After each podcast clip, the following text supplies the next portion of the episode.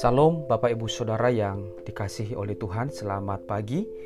Berjumpa lagi di dalam renungan setiap pagi yang kita dengarkan dan pada pagi hari ini Bapak Ibu Saudara, mari kita siapkan hati kita untuk menerima firman Tuhan.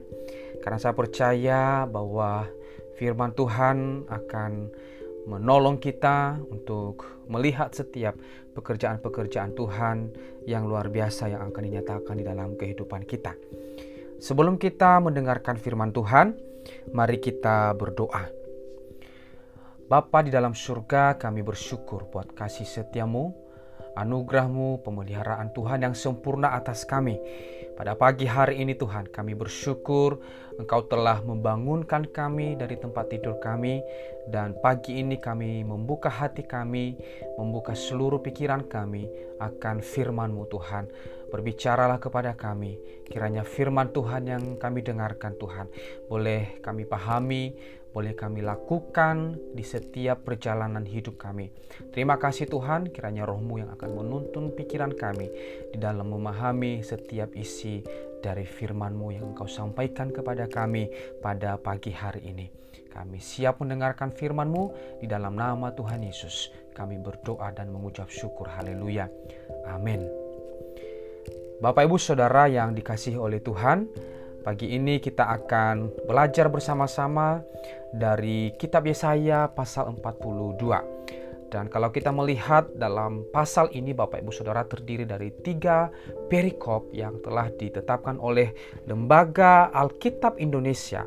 Dan kita perhatikan di dalam perikop yang pertama yaitu mengenai hamba Tuhan, lalu kemudian pujian tentang penyelamatan, lalu yang ketiga adalah kegagalan dan kebutaan Israel. Di dalam pertama bagian yang pertama kita bisa melihat bahwa bagaimana uh, nubuatan tentang seorang hamba Tuhan yang memang diutus oleh Allah, yang dipilih oleh Allah sendiri untuk menyelamatkan umatnya dari dosa. Dan di sana diceritakan bagaimana karakteristiknya, pribadinya, pembawaannya, dan misi yang akan eh, hamba Tuhan ini kerjakan di dalam dunia.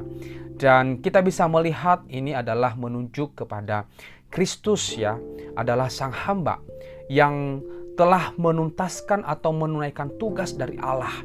Dia sudah menang terhadap belenggu dosa dan kuasa maut setiap orang dari segala suku, bangsa, dan bahasa yang mau percaya kepada Dia akan dimerdekakan dari perbudakan dosa untuk dapat menyembah Allah yang sejati. Nah, Bapak Ibu Saudara, di dalam perikop yang pertama kita bisa melihat bagaimana uh, nubuatan tentang seorang hamba bagaimana Allah mengutusnya dan pekerjaan-pekerjaan yang dikerjakannya atas manusia. Lalu kemudian ada dua bagian yang akan kita lihat kembali Bapak Ibu Saudara dan ini adalah dua bagian yang bisa kita katakan bahwa saling bertolak belakang pada nas ini yakni adanya sukacita dan kesedihan. Nah, kita perhatikan bagian pertama. Bagian pertama merupakan perayaan kemenangan. Makanya di situ ditulis dalam judul perikopnya adalah puji-pujian tentang penyelamatan, ya. Ini merupakan perayaan kemenangan Allah di dalam melawan atau atas para musuh-musuhnya Bapak Ibu Saudara. Kalau kita membaca di dalam ayat yang ke-10 nantinya sampai ayat yang ke-17 dan kita bisa melihat bagaimana e, nyanyikanlah nyanyian baru bagi Tuhan dan pujilah dia dari ujung bumi. Baiklah laut bergemuruh serta segala isinya dan pulau-pulau dengan segala penduduknya. Ini adalah merupakan sebuah puji-pujian atau nyanyian kemenangan atas musuh-musuh dan sementara pada bagian kedua Bapak Ibu, Allah menegur perbuatan umat Israel yang gagal menjadi saksinya. Dan kita bisa melihat di dalam ayat yang ke-18 dan ayat sampai ayat yang ke-20 lima Bapak Ibu Saudara. Dan kita melihat bagaimana bagian ketiga ini merupakan kegagalan dan kebutaan Israel. Mari kita melihat bagian yang pertama, menyatakan waktu kegembiraan telah tiba. Allah telah bangkit untuk menyatakan kekuasaannya. Kita bisa melihat di dalam ayat yang ke-13 Tuhan keluar berperang seperti pahlawan, seperti orang berperang ia membangkitkan semangatnya untuk bertempur. Dan telah lama ia berdiam diri melihat perbuatan jahat terus-menerus dilakukan di bumi. Masa anugerah pengampunannya untuk bertobat telah habis. Ada dua dampak hal ini, Bapak Ibu Saudara, dari hal ini. Yang pertama adalah bagi orang-orang yang berdiri di pihak Allah, kemenangan Allah merupakan uh, saat mereka uh, menanggalkan baju kabung dan menanggalkan jubah pujian. Inilah saat bersukaria dan bersuka cita bersama Allah ya. Lalu kemudian pada bagian yang kedua adalah bagi para musuh Allah, ya. Kemenangan Allah adalah masa-masa penyiksaan sebab Allah menghilangkan kesuburan tanah dan mengeringkan sungai-sungai di dalam ayat yang ke-15. Di sana dikatakan bahwa aku mau membuat tandus gunung-gunung dan bukit-bukit dan mau membuat layu segala tumbuh-tumbuhannya. Aku mau membuat sungai-sungai menjadi tanah kering dan mau membuat kering telaga-telaga. Dan kita bisa melihat bahwa tindakan Allah tersebut menyebabkan para musuh Allah tidak memperoleh makanan dan minuman. Tanpa kedua sumber kehidupan itu, mereka akan mati. Dan pada saat itu Allah mempermalukan atau Allah akan mempermalukan mereka karena patung sembahan mereka yang tidak mampu mendatangkan pertolongan. Dan kita bisa melihat di dalam ayat yang ke-17 Bapak Ibu Saudara. Orang-orang yang percaya kepada patung pahatan akan berpaling ke belakang dan mendapat malu. Yaitu orang-orang yang berkata kepada patung tuangan, kamulah Allah kami. Dan kita bisa melihat bagaimana Allah mempermalukan musuh-musuhnya di hadapan umatnya Bapak Ibu Saudara. Lalu kemudian kalau kita melihat di dalam bagian yang kedua adalah bagaimana Israel ya ditegur oleh Allah sendiri atas kegagalan dan kebutaan mereka Bapak Ibu Saudara.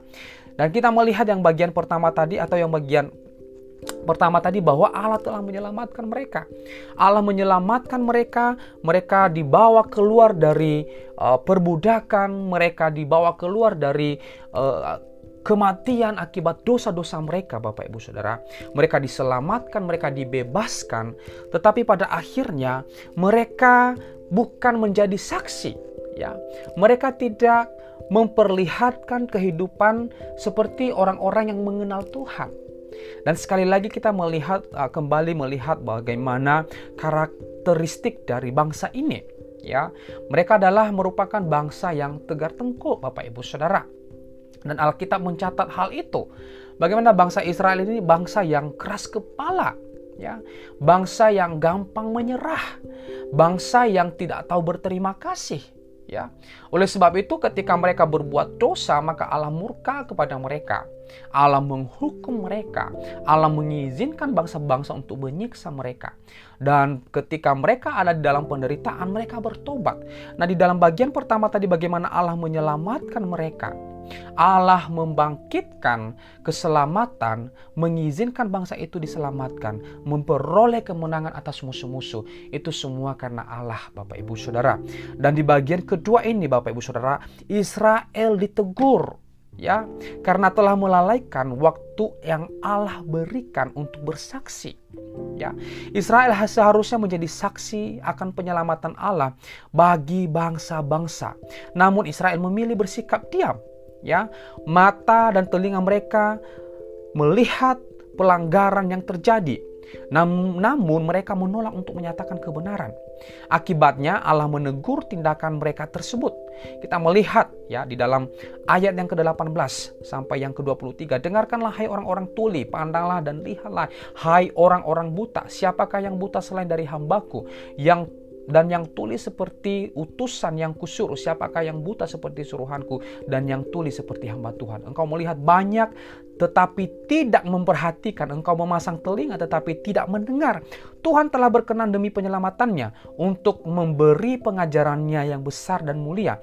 Namun mereka suatu bangsa yang dijarah dan dirampok mereka semua terjebak dalam geronggang geronggang dan disembunyikan dalam rumah-rumah penjara. Mereka telah menjadi jarahan dan tidak ada yang dimelepaskan menjadi rampasan dan tidak ada yang berkata kembalikanlah. Siapakah di antara kamu yang mau memasang telinga kepada hal ini yang mau memperhatikan dan mendengarkannya untuk masa yang kemudian? Bapak Ibu Saudara kita memperhatikan di sini bahwa Allah membebaskan mereka tujuan Allah untuk menyelamatkan mereka supaya mereka bisa menjadi saksi bagi bangsa-bangsa lain Mereka telah melihat bagaimana Allah berkuasa menyelamatkan mereka. Mereka telah menyaksikan bagaimana Allah menolong mereka. Tetapi mereka tidak mau menjadi saksi bagi bangsa-bangsa lain.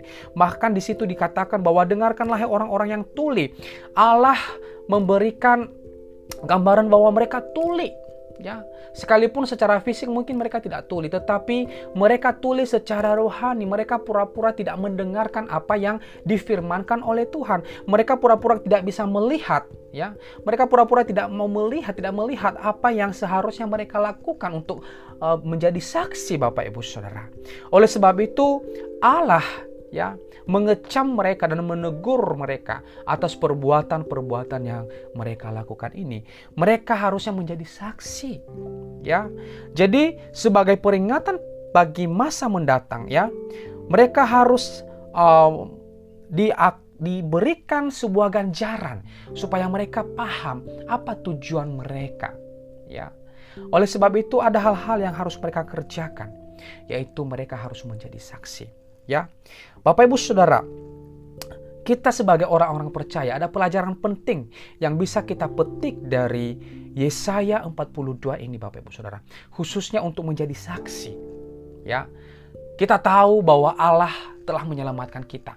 Yesus Kristus telah mati bagi kita dan dia telah menunjukkan kasihnya ya yang mulia itu kepada setiap manusia dan yang menjadi tugas kita bukan hanya menjadi orang percaya saja Bapak Ibu Saudara. Bukan hanya orang menjadi orang Kristen ya. Itu tidak cukup, tetapi ada satu tanggung jawab, ada satu pekerjaan yang bisa kita lakukan yaitu bersaksi. Nah, Bapak Ibu Saudara yang dikasihi oleh Tuhan, kesaksian-kesaksian yang kita berikan hendaklah menjadi kesaksian yang bisa membangun iman orang lain Bagaimana kita bisa bersaksi? Ya. Kita bisa bersaksi melalui perkataan kita. Kita bisa menjadi saksi melalui perbuatan kita. Kepada siapa kita bersaksi? Kepada banyak orang. Di mana kita bisa bersaksi? Di mana saja Bapak Ibu Saudara. Kapan kita bisa bersaksi? Kapan saja Bapak Ibu Saudara. Tentu sebagian besar kita yang mendengarkan renungan ini adalah orang-orang yang bekerja, orang-orang yang memiliki komunitas, orang-orang yang memiliki kelompok-kelompok, orang-orang yang punya tetangga. Oleh sebab itu kitalah yang akan menjadi saksi, entah itu di tempat pekerjaan kita, entah itu di tempat kita di mana uh, tinggal kepada tetangga kita, hendaklah kita menjadi saksi. Kalau Bapak Ibu Saudara mengatakan bahwa saya orang percaya, saya orang Kristen, saya orang yang telah diselamatkan oleh Yesus, maka engkau harus merepresentasikan kasih Kristus itu dalam hidupmu melalui kesaksian hidupmu kepada siapa siapa pun, kepada orang banyak. Oleh sebab itu Bapak Ibu Saudara firman Tuhan menghimbau kita untuk tetap menjadi saksi mulai dari perkataan kita, perbuatan kita, sikap hidup kita, iman kita dan selain sebagainya Bapak Ibu Saudara. Ya, oleh sebab itu mari kita setiap hari membawa kesaksian yang hidup kepada orang yang ada di sekitar kita. Siapa tahu melalui kehidupan kita orang itu akan diberkati orang itu bisa diselamatkan Bapak Ibu Saudara. Jangan jemu-jemu untuk menyaksikan kasih Kristus di dalam kehidupanmu kepada orang lain. Hendaknya kiranya firman Tuhan menolong kita untuk menjadi saksi yang setia memberitakan kabar baik kepada semua orang. Terpujilah Tuhan, kiranya Tuhan menolong kita. thank you